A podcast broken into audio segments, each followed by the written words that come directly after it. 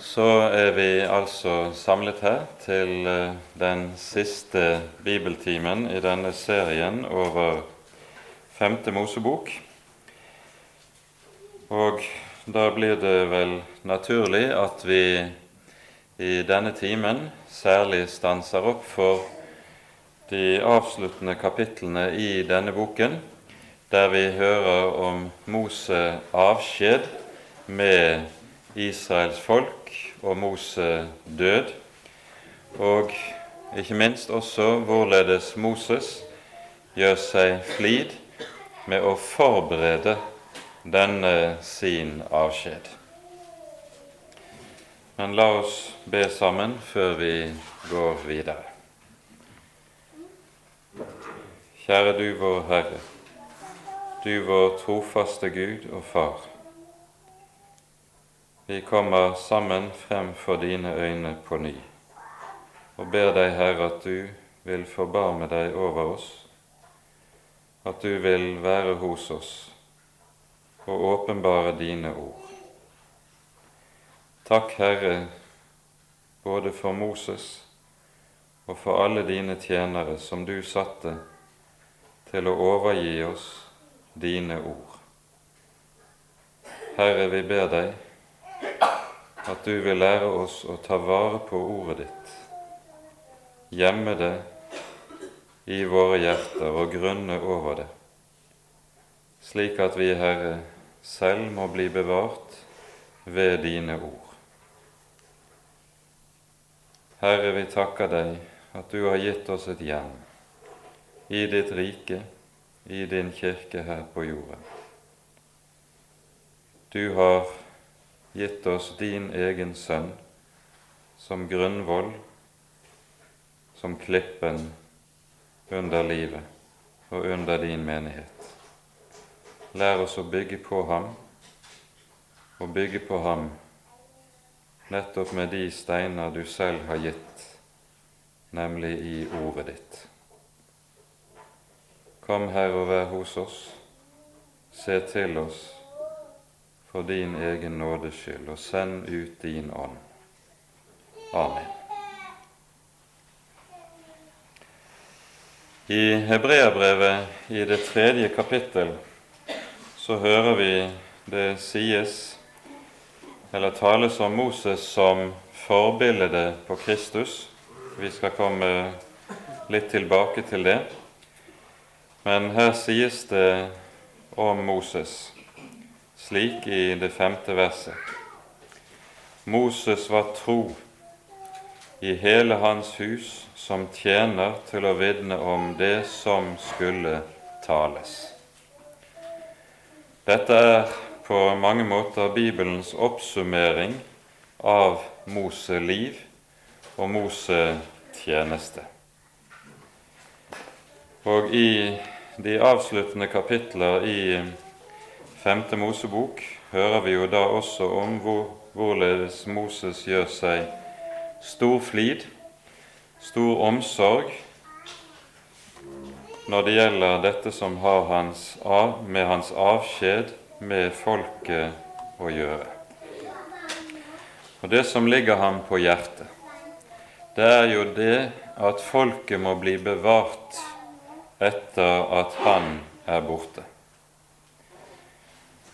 Og for at det som er mulig, kan bli gjort i så måte, så ser vi at Moses gjør en rekke ulike saker som vi skal her se litt nærmere på.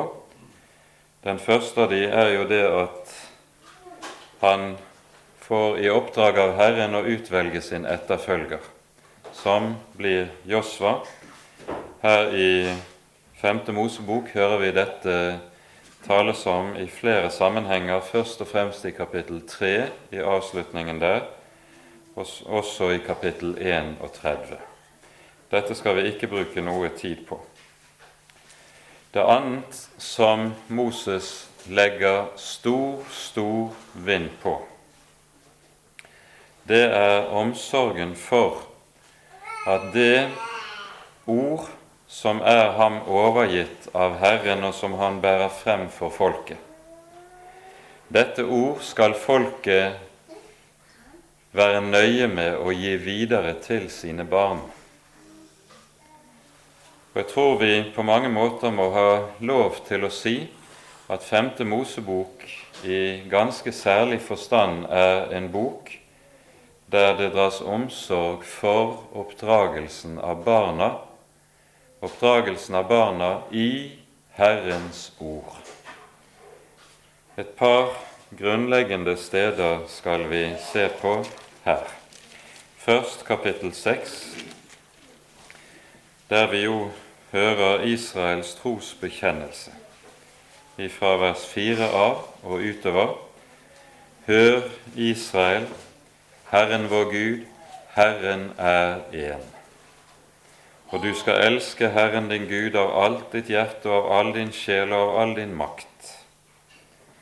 Disse ord som jeg byr deg i dag, skal du gjemme i ditt hjerte og du skal innprente dine barn dem.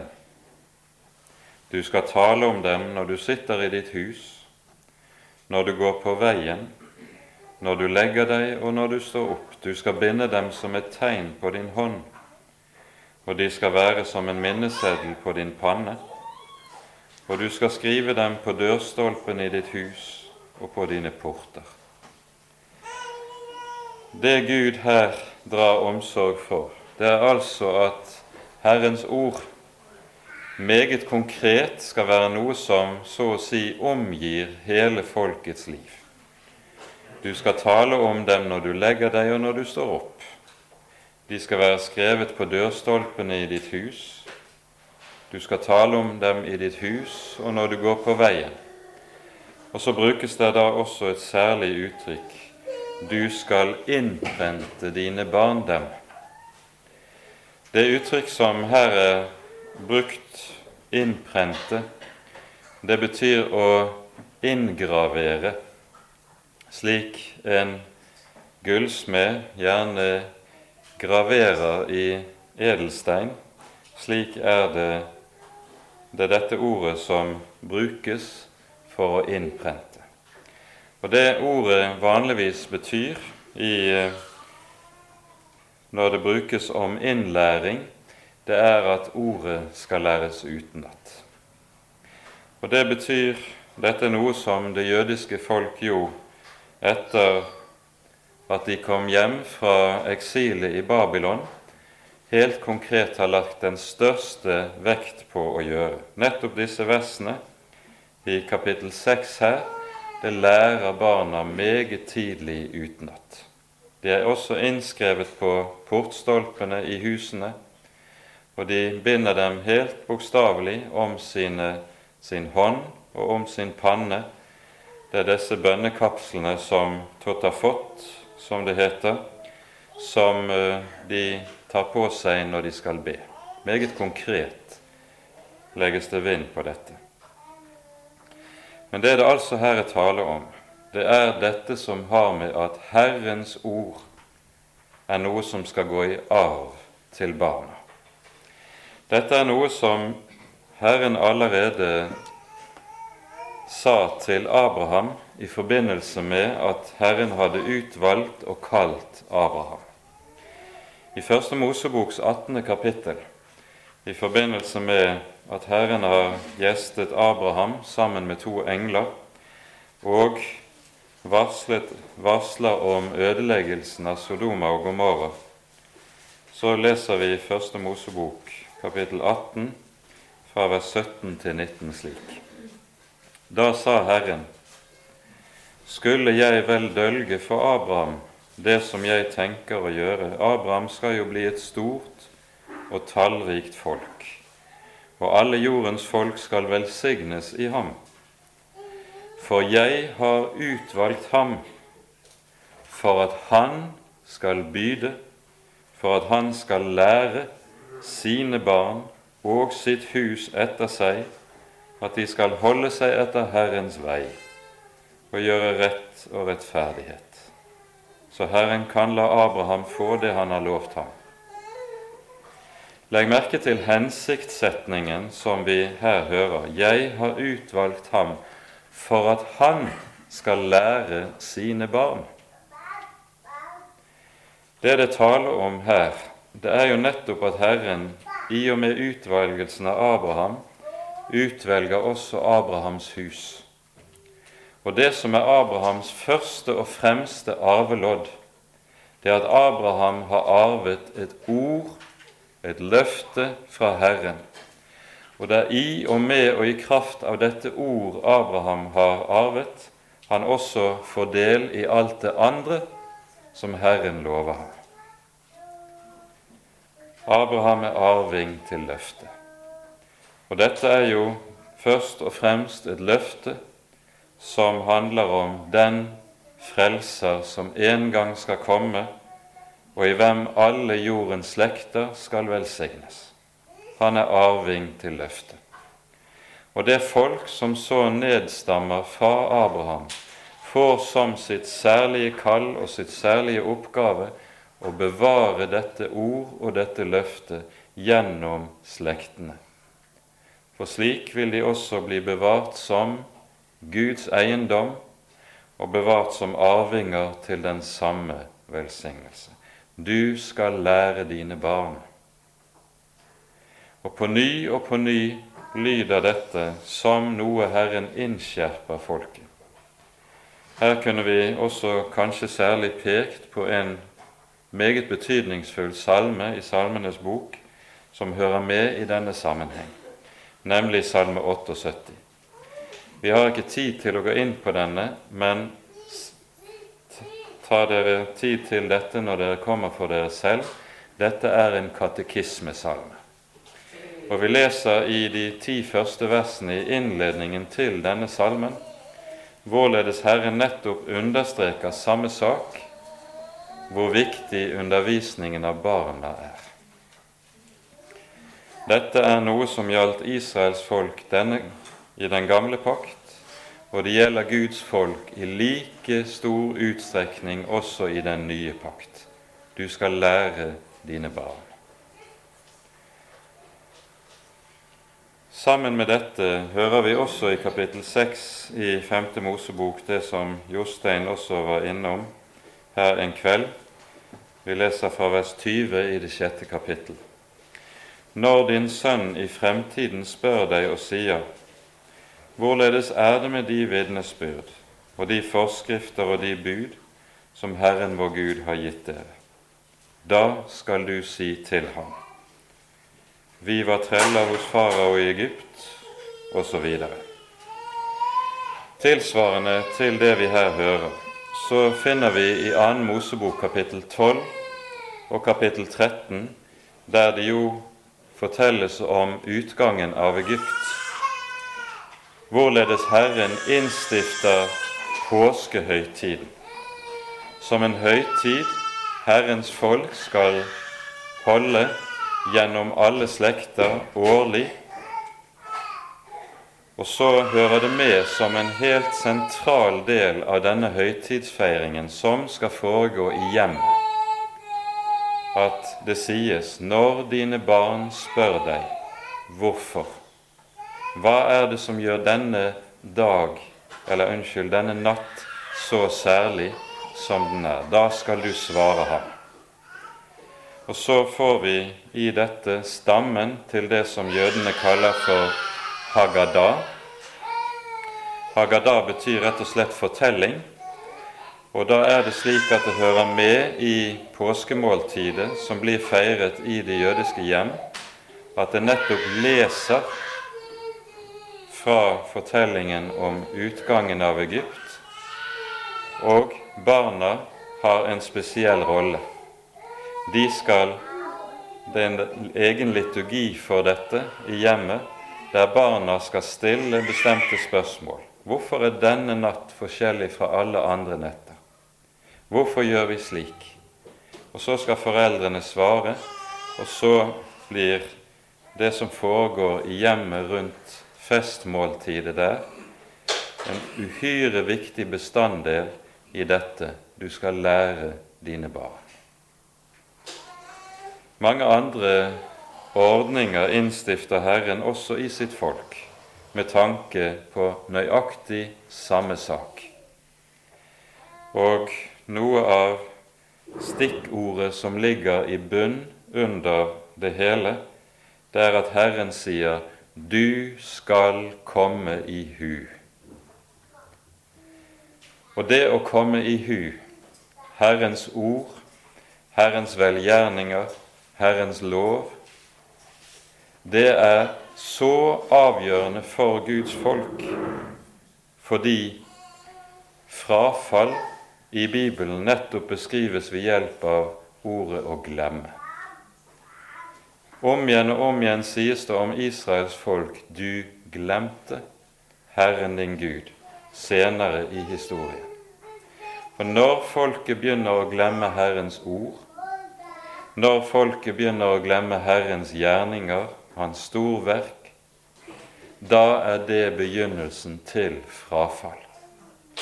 Og dette er helt avgjørende for oss i dag, ikke minst, å være klar over at rett og slett det som har med hukommelse og innlæring av en bestemt kunnskap, det er helt fundamentalt for alt som heter kristen tro og gudsfrykt. Til all kristen tro hører alltid kunnskap. Kunnskap om hva Herren har sagt, kunnskap om hva Herren har gjort. Det er jo det f.eks. den apostoliske trosbekjennelse handler om. Hva er denne annet enn en oppregning av Herrens store gjerninger? Disse må vi kjenne, og det er disse som er åpenbart for oss i Herrens ord. Og så er det så avgjørende altså at dette går i arv til barna. Du skal lære dine barn. Det er kanskje den fremste oppgave Guds folk har.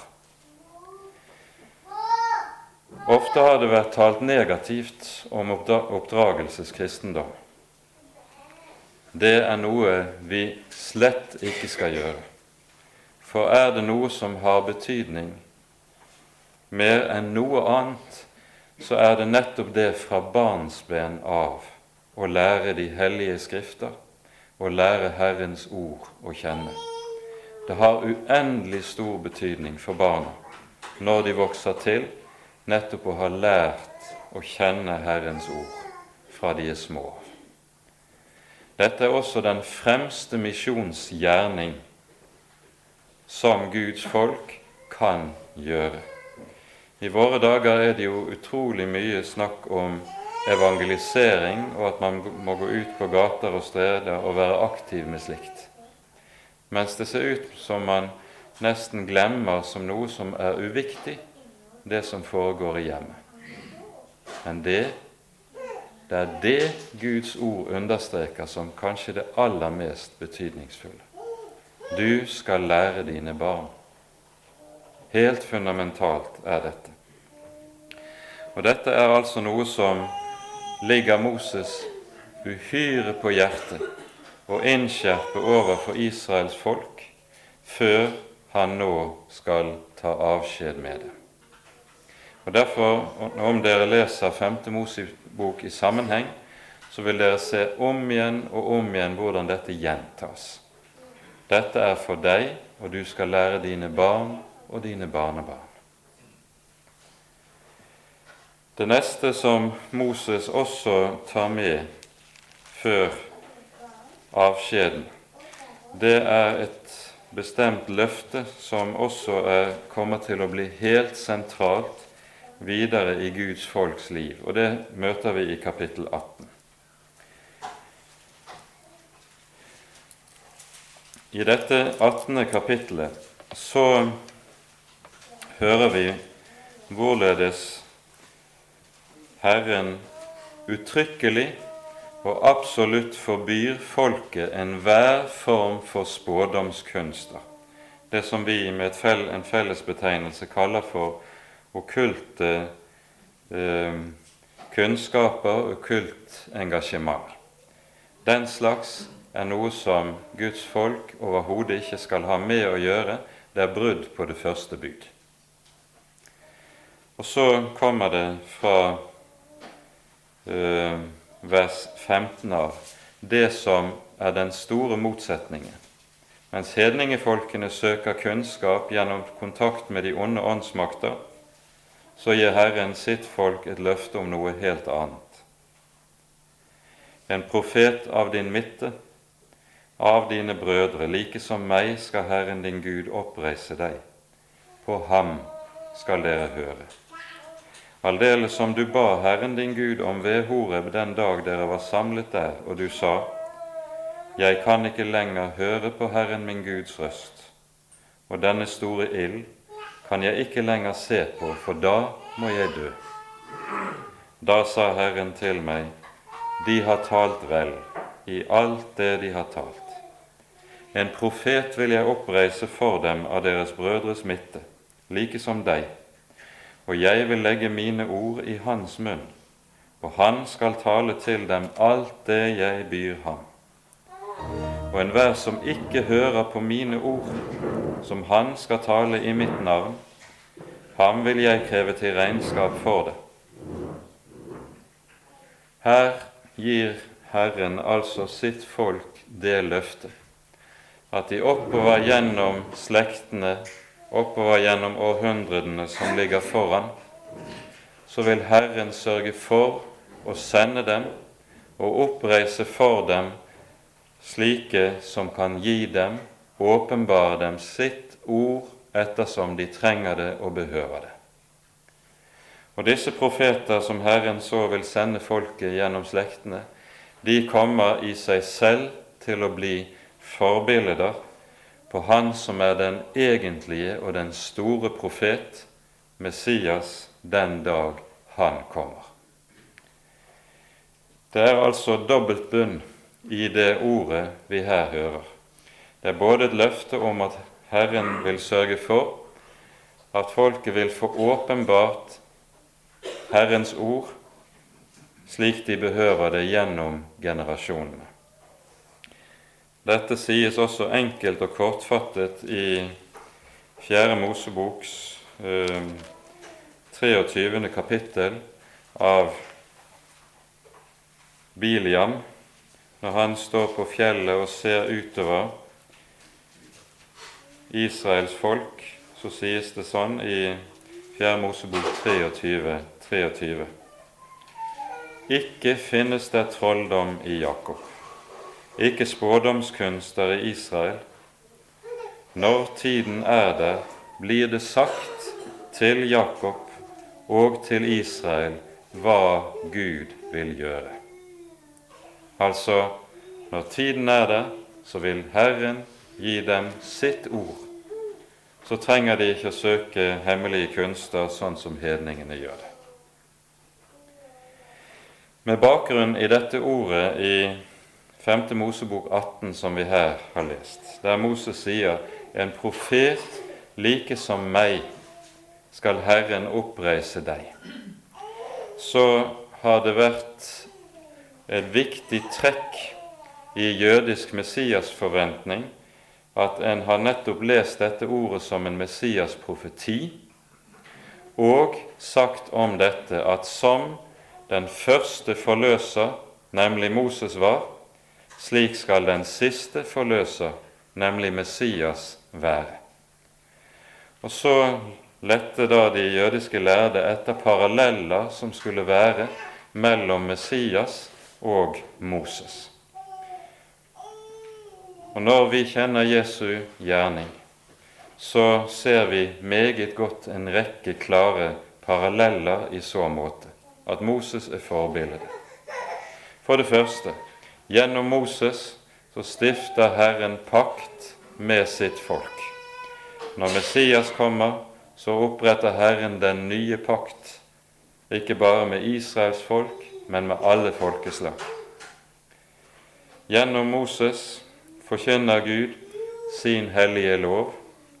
Gjennom Kristus så åpenbarer Herren, eller gir Herren en ny og en utfyllende åpenbaring av loven. Han er profeten i ordets egentlige forstand. Som Moses ble kalt ut av Egypt, så hører vi det sies om Jesus også at han ble kalt ut av Egypt, og vi kan slik liste opp en rekke paralleller mellom Moseliv og Kristi liv. En profet like som meg skal Herren oppreise dere. Dette er den annen, så å si, arv som Moses gir folket før han forlater det.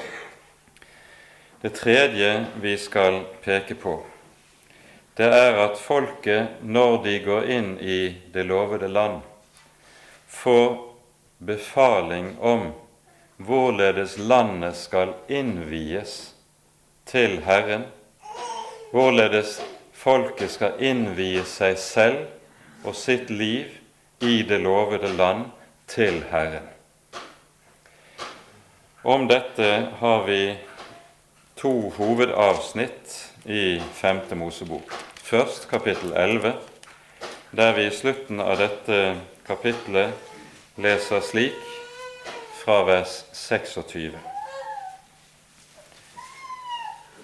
Se, jeg legger i dag frem for dere velsignelsen og forbannelsen. Velsignelsen så sant dere lyder Herrens, deres Guds bud, slik jeg i dag gir dere den. Og forbannelsen dersom dere ikke lyder Herren deres Guds bud, men viker av fra den vei jeg i dag byr dere å vandre på, og følger andre guder som dere ikke kjenner. Og når Herren din Gud fører deg inn i det land du nå skal dra inn i og ta i eie, da skal du lyse velsignelsen på fjellet Garisim og forbannelsen på fjellet Ebal. Disse to fjell ligger, slik dere vet, på hin side av Jordan, bortenfor veien som bærer mot vest i kananittenes land, de som bor i ødemarken midt imot Gilgal ved Måres terebintele. For nå går dere over Jordan for å komme inn og ta det land i eie som Herren deres Gud gir dere, og dere skal ta det i eie og bo der. Akt vel på å holde alle de bud og lover som jeg i dag legger frem for dere. Her sies det altså at når folket er kommet inn i landet og har beseiret de første av sine fiender, så skal de innvie livet i det lovede land på en helt spesiell måte. Folket skal samlet dra opp til fjellene Ebal og Garisim, som ligger overfor hverandre. Det er en dal imellom disse to, der byen Sikhem ligger. Og så skal den ene halvdel av folket stå i fjellsidene i Garisim, den andre halvdel av fjell, folket i fjellsiden ved Ebal, og så skal velsignelsen lyses og forbannelsen lyses, respektive fra Garisim og fra Ebal. Dette utdypes og konkretiseres i kapittel 27. Her sier, hører vi også først i kapittel 27, de ti første vers, om at folket skal reise et alter. Tolv steiner, store steiner, skal dette bestå, én stein for hver av folkets stammer. Disse steinene skal så kalkes hvite, og så skal Herrens lov skrives på steinene som her reises. Og så, sammen med disse steinene, skal det ofre reises et alter det skal stå på fjellet Ebal, og de, ved de ofre som der ofres, skal folket innvie seg til Herren og innvie landet og livet i landet til Herren. Det er underlig å tenke på at for en ti år tilbake så snublet arkeologene nærmest ved en tilfeldighet over et alter på Ebalfjellet som neppe kan være noe annet enn dette alteret som ble reist av Josva.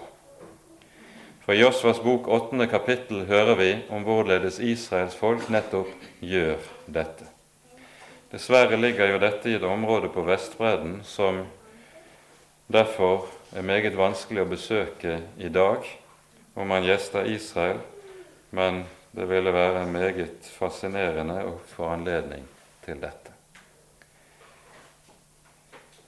Vi hører altså at Israel gjør dette, og i kapittel 27, fra vers eh, 11 av, så hører vi hvorledes Moses så konkret sier hvilke velsignelser og hvilke forbannelser som skal lyses når folket står her på Garisim og på Ebal. Og vi skal merke oss dette som folket her får befaling om å gjøre. Det er det vi kan sammenligne med nærmest en riksakt. Det er en statsakt som så å si definerer hele folkets liv i det land der de nå kommer inn i, og som også gir dem grunnloven for alt videre liv i landet. Det har en uhyre stor betydning det som her påbys og befales av Moses.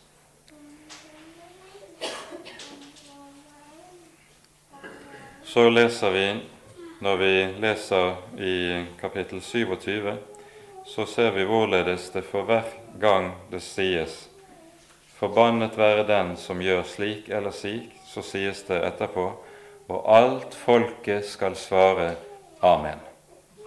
Folket skal som med én munn svare på og slutte med det slutte seg til dette som nå de innvier seg selv til. Det vi her hører i kapittel 27, det utdypes nå videre i kapittel 28, som er delt i to deler, der vi ifra vers 1 til og med vers 14 hører om den velsignelse Herren lover å tildele folket dersom de tar Herrens ord til hjertet og innretter seg etter det. Og så fra vers 15 av og utover den forbannelse Herren truer med folket med dersom de ikke tar Herrens ord til seg.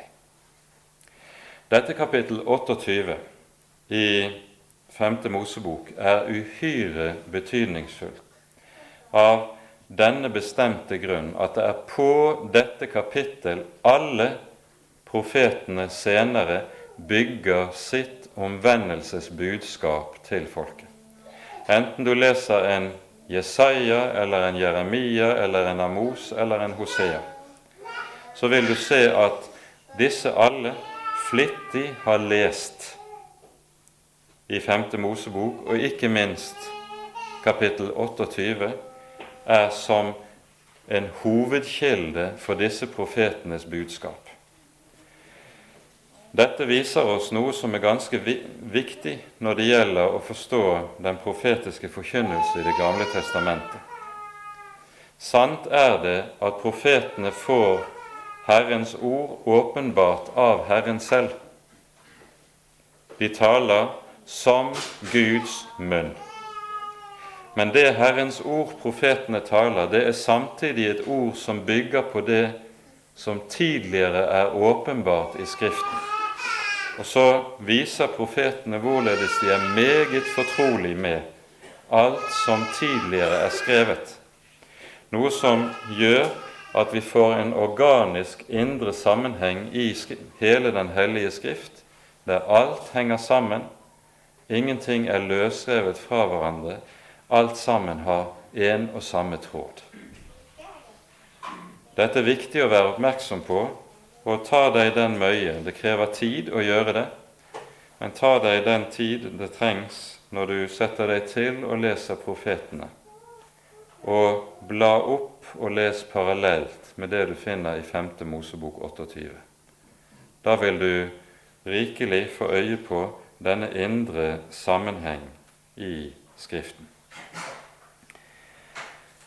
Her skal vi også understreke, når det gjelder det vi her er inne på, at det som er hovedsaken, som alt handler om her i disse avsnittene i Femte Mosebok, det er det første bud.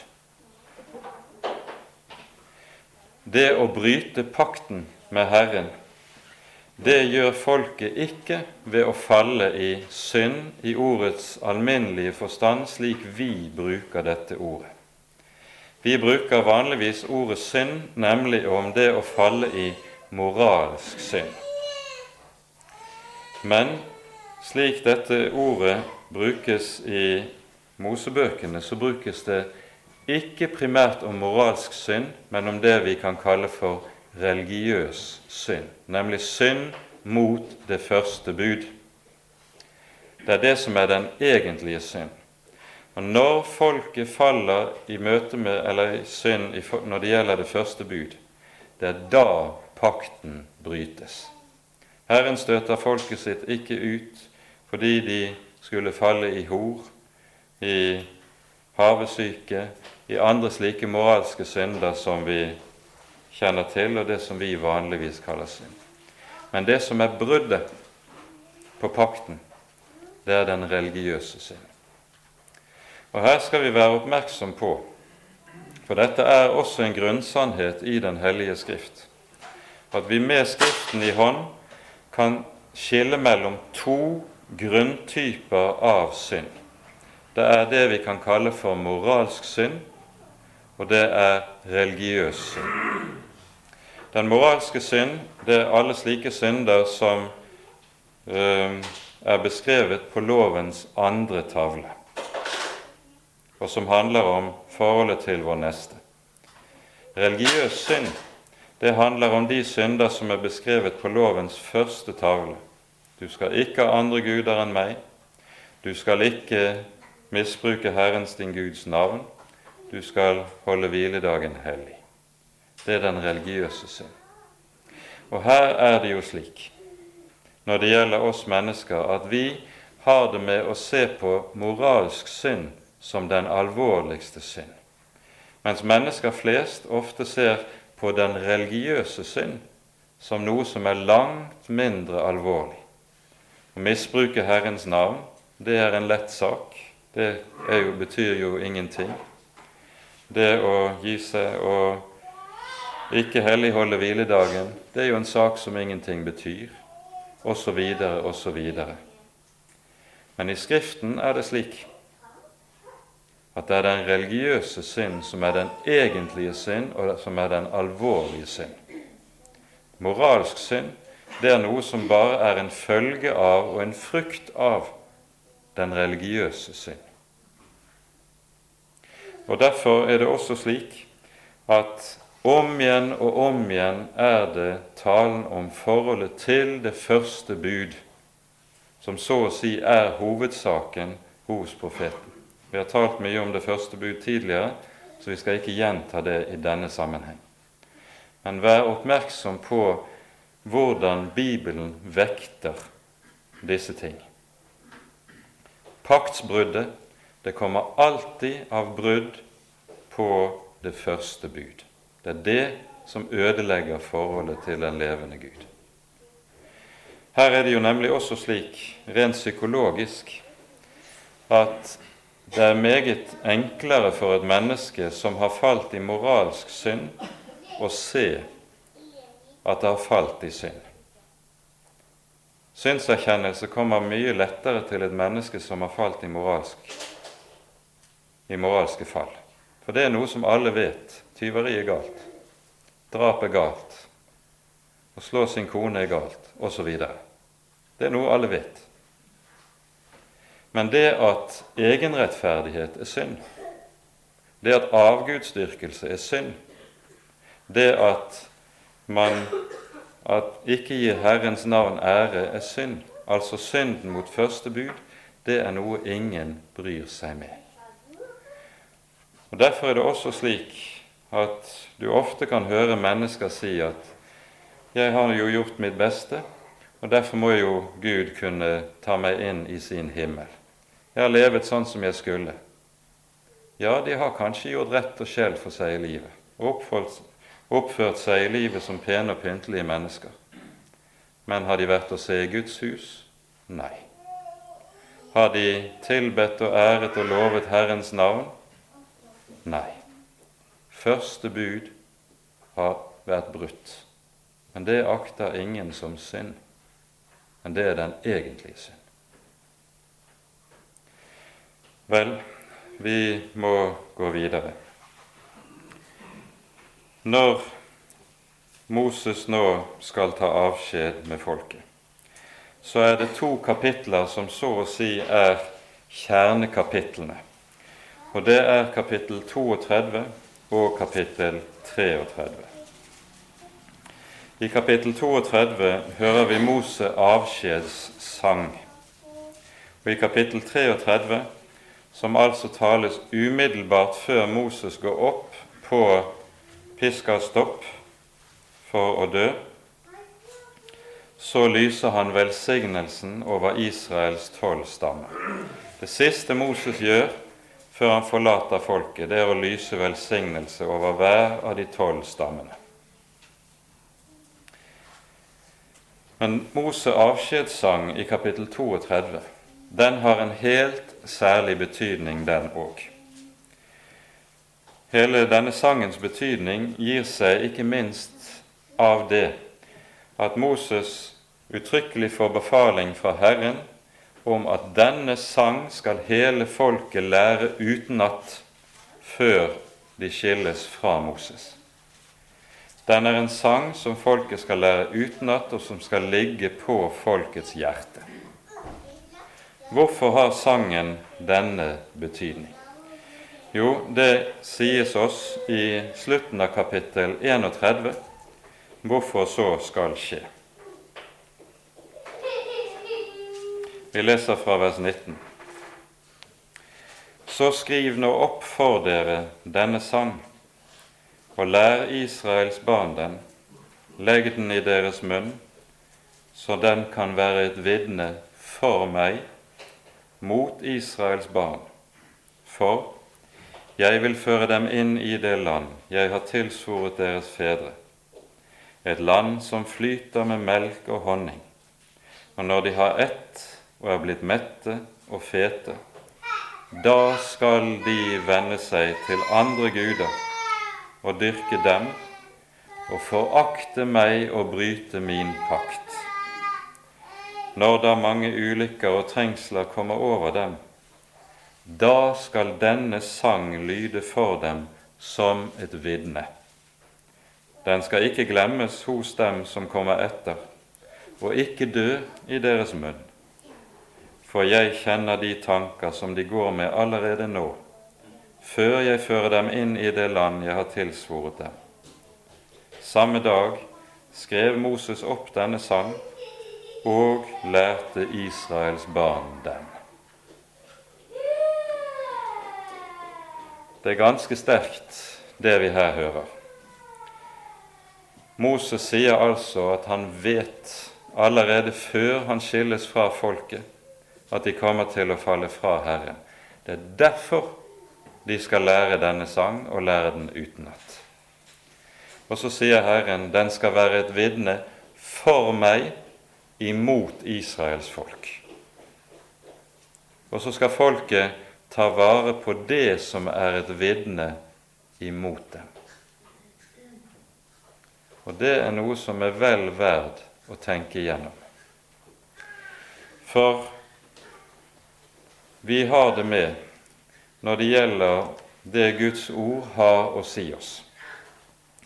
Så liker vi jo Det er jo det vi gjerne særlig gjemmer på og tar vare på ifra Guds ord.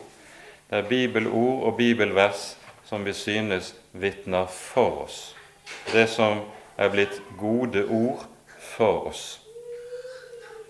Men ord som er skarpe, ord som rammer oss, ord som så å si hogger løs på oss, de er ofte så ubehagelige at de skyver vi litt i bakgrunnen. Men her sier Moses du skal ta vare på det som vitner imot deg.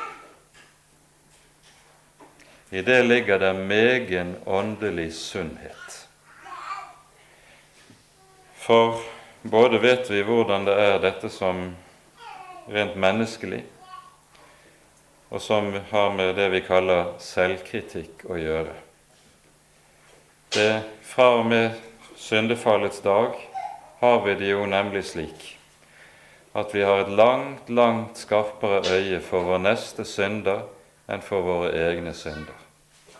Og så er vi skarp i kritikken og skarpsynt i kritikken av vår neste synder. Mens når det gjelder våre egne, så vi, er vi flinke å se gjennom fingrene med det. De er ikke på langt nær så alvorlige, og de veier ikke på langt nær så tungt. Men her lærer Skriften oss noe. Du skal ta vare på det som vinner imot deg. Det har det med seg at for det første vil det hjelpe oss til å bli bevart i en sunn kristelig selvkritikk, nemlig at vi skal bevares i det apostelen Paulus taler om i 1. Korinterbrev 11, når han sier:" Dersom vi dømte oss selv, ble vi ikke dømt. For en slik selvkritikk, den vil være med å bevare en sunn synserkjennelse i en kristen liv, kristens liv, og med det også en avhengighet av Herrens nåde, som kan bli stående dag for dag livet igjennom. For det er det vi lever av. Denne avhengighet av at Herren er vår frelses klippe, og at Han er synderes venn. Du skal ta vare på det som vinner imot deg. Tygg på det, for her har vi noe som vi trenger, noen enhver av oss. Mose avskjedssang er en vakker sang. Det er hebraisk poesi på sitt høydepunkt vi møter i denne teksten i kapittel 32 samtidig som det er en uendelig vemodig sang. Det er Moses som har vært hyrde for Herrens folk gjennom 40 år, grått sammen med dem, bedt for dem når de har falt, båret dem på sine hender og på sitt hjerte gjennom en lang og tung ørkenvandring. Og ser han fremover og vet dere kommer til å falle fra Herren når jeg er borte. Det er et stort vemod som liksom puster igjennom disse versene vi leser her. Noe av det viktigste som forkynnes oss i denne sammenheng i Skriften, det er at Moses også forutsier det som profetene senere tar opp og på ny og på ny peker på at når folket faller fra Herren, da vil Herren drive dem ut i landflyktighet. Det er to avsnitt i Femte Mosebok som handler om den sak. Det er først i kapittel 4 vers 25-30, og dernest i kapittel 30 fra vers 1 til 8. Men det som er forunderlig i begge disse to tekstene og Tenk dere nå at om det er slik som Bibelens kronologi i hvert fall angir for oss at Moses dør rundt år 1400 før Kristus, og en Jesaja først begynner å virke 700 år senere, så profeterer Moses her både om den landflyktighet som folket skal ut i, og som begynner i Jesajas dager, og om at folket i de siste dager skal kalles sammen, omvendes ved troen på Herren og på ny få del i landet og i frelsen. Begge deler forutsies altså allerede her i 5. Mosebok i disse to avsnittene i kapittel 4 og i kapittel 30. Viktige avsnitt å ta med seg og det er dette altså også profeten Zakaria taler om i det tolvte kapittel, når han med dette i bakgrunnen forteller hvorledes Herrens folk skal omvendes i de siste dager. I de dager vil jeg utgyde nådens ånd og bønnens ånd over Judas hus og Jerusalems innbyggere og de skal skue opp til meg, som de har gjennomstunget, og de skal gråte sårt over ham, som en mann gråter over sin førstefødte. Israels omvendelse ved avslutningen av historien, den er omtalt allerede her i femte Mosebok. De skal skue opp til meg, som de har gjennomstunget.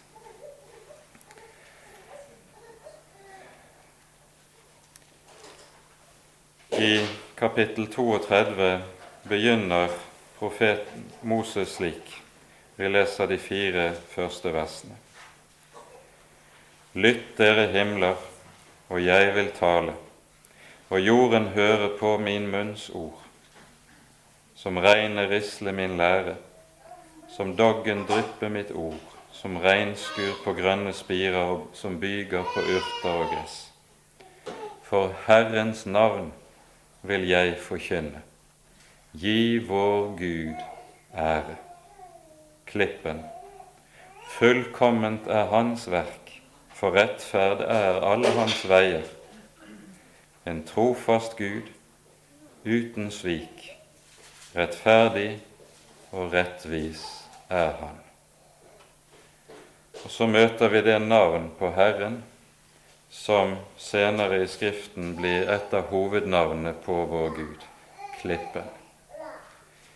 For vår Gud er nettopp Klippen, men den klippe som ble slått av Moses. De skal skue opp til meg som de har gjennomstunget.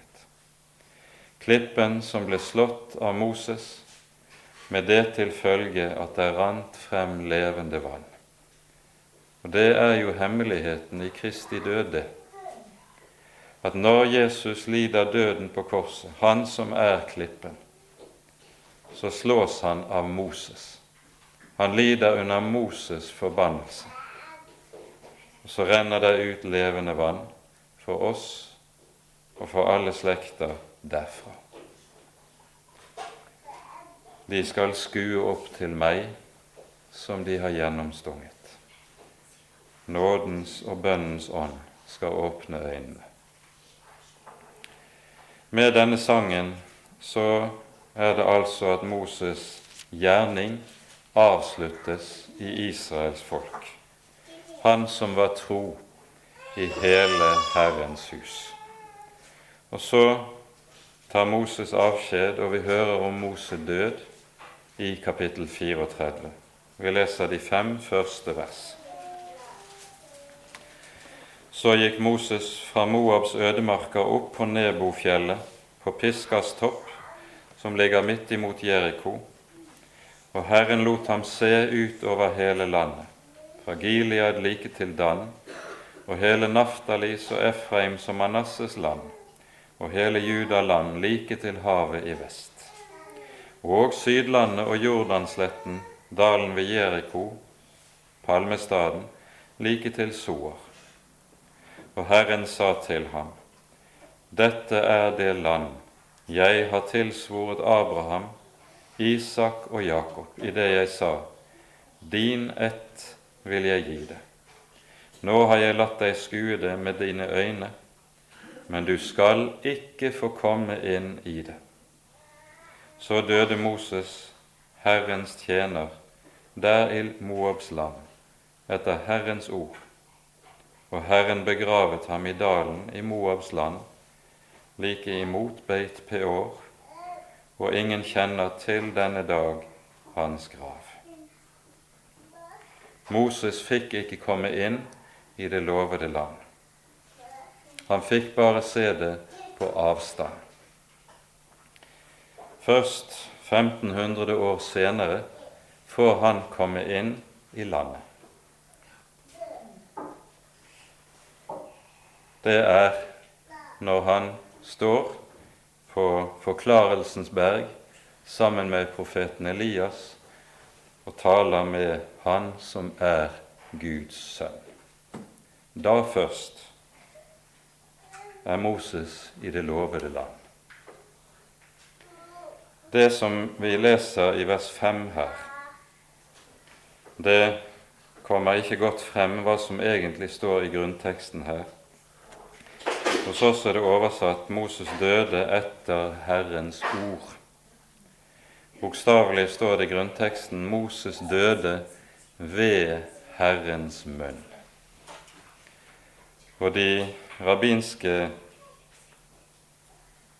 utleggere forklarer dette slik Moses døde idet Herren kysset ham.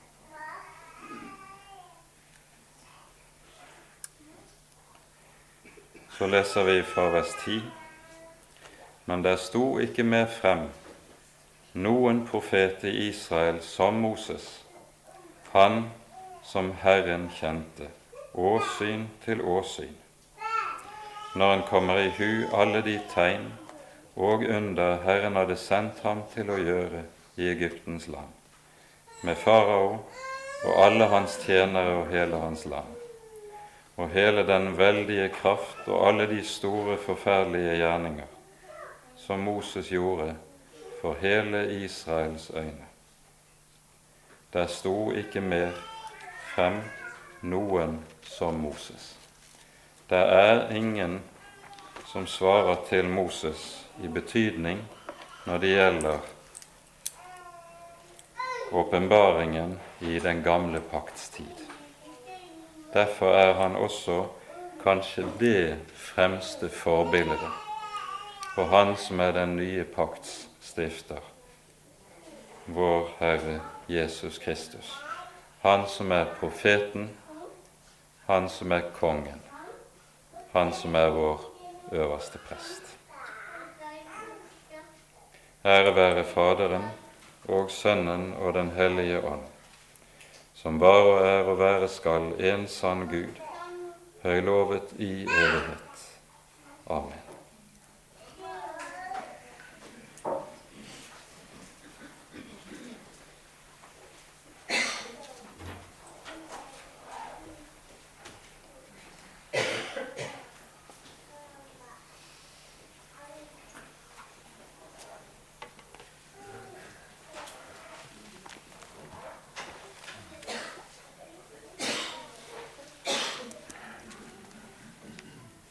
var et par ting som, stoppet meg litt grann når jeg satt her og lytta til. Når eh, Jan nevnte dette med klippen, eh, så rant det meg i hu når israelsfolket mangla vann og tretta med Moses. Så står det slik i 2. Mosebok kapittel 17 og vers 5. Herren sa til Moses Gå frem foran folket og ta med deg noen av Israels eldste. Din stav som du slo i elven med, ta den i hånden og gå. Se, jeg vil stå foran deg på klippen ved Horeb. Du skal slå på klippen, og det skal flyte vann ut av den, så folket får drikke. Jeg vil stå foran deg på klippen ved Horeb. Et Herrens under. Og så var det et, en liten ting i, uh, i dette med de syndene, moralske synder kontra de religiøse syndene. Og nå I seinere tid så har vi iallfall vært veldig opptatt av en del ting eh, som har med dette med homofili å gjøre. Det har blitt, blitt skrevet avisspalter opp og avisspalter ned om dette. I eh, Romerbrevet, kapittel 1, der står det slik For enda de kjente Gud, æret de og takket de ham ikke som Gud. I stedet ble de tomme i sine tanker, og deres, ufor, og deres uforstandige hjerter ble formørket. Mens de ga seg ut for å være vise, ble de dårer, og de byttet bort den uforgjengelige Guds herlighet med et bilde, en avbildning av det som er forgjengelig, av et forgjengelig menneske, og av fugler og dyr og krypdyr. Og så kommer det Derfor overgav også Gud dem i deres hjerters lyster til urenhet og til å vanære sine legemer seg imellom. De byttet bort Guds sannhet mot løgnen og æret og dyrket skapningen framfor Skaperen, Han som er lovprist i evighet. Derfor overgav Gud dem til skammelige lidenskaper, osv. Det var noe som skjedde forut for det moralske forfallet. De hadde forlatt Gud. Hvor står du og meg i vårt forhold til Gud. De byttet bort Guds sannhet mot løgnen og dyrket skapningen framfor Skaperen, Han som er lovprist i evighet. Derfor overgav Gud dem.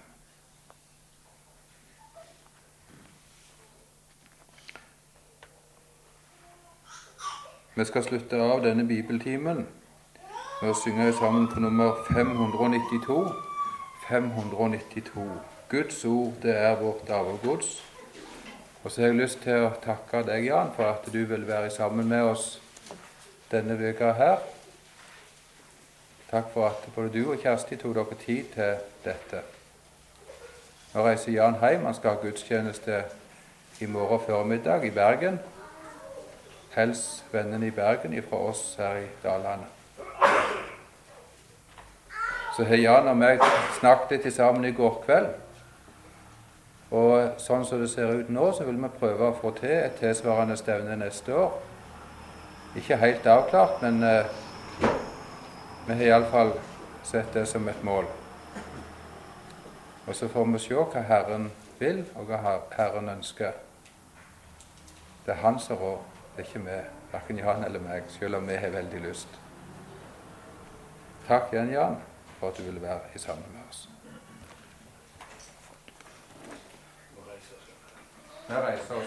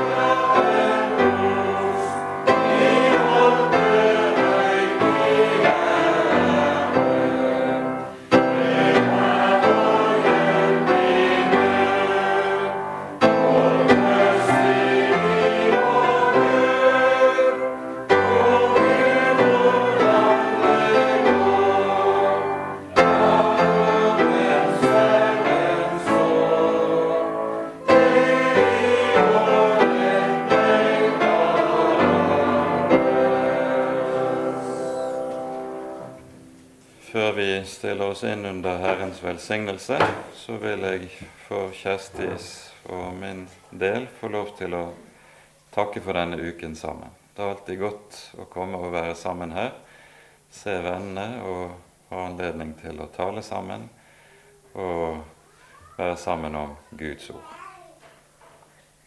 Ta imot Herrens velsignelse. Herren velsigne deg og bevare deg. Herren la sitt ansikt lyse over deg og være deg nådig. Herren løfte sitt åsyn på deg og gi deg fred. Amen.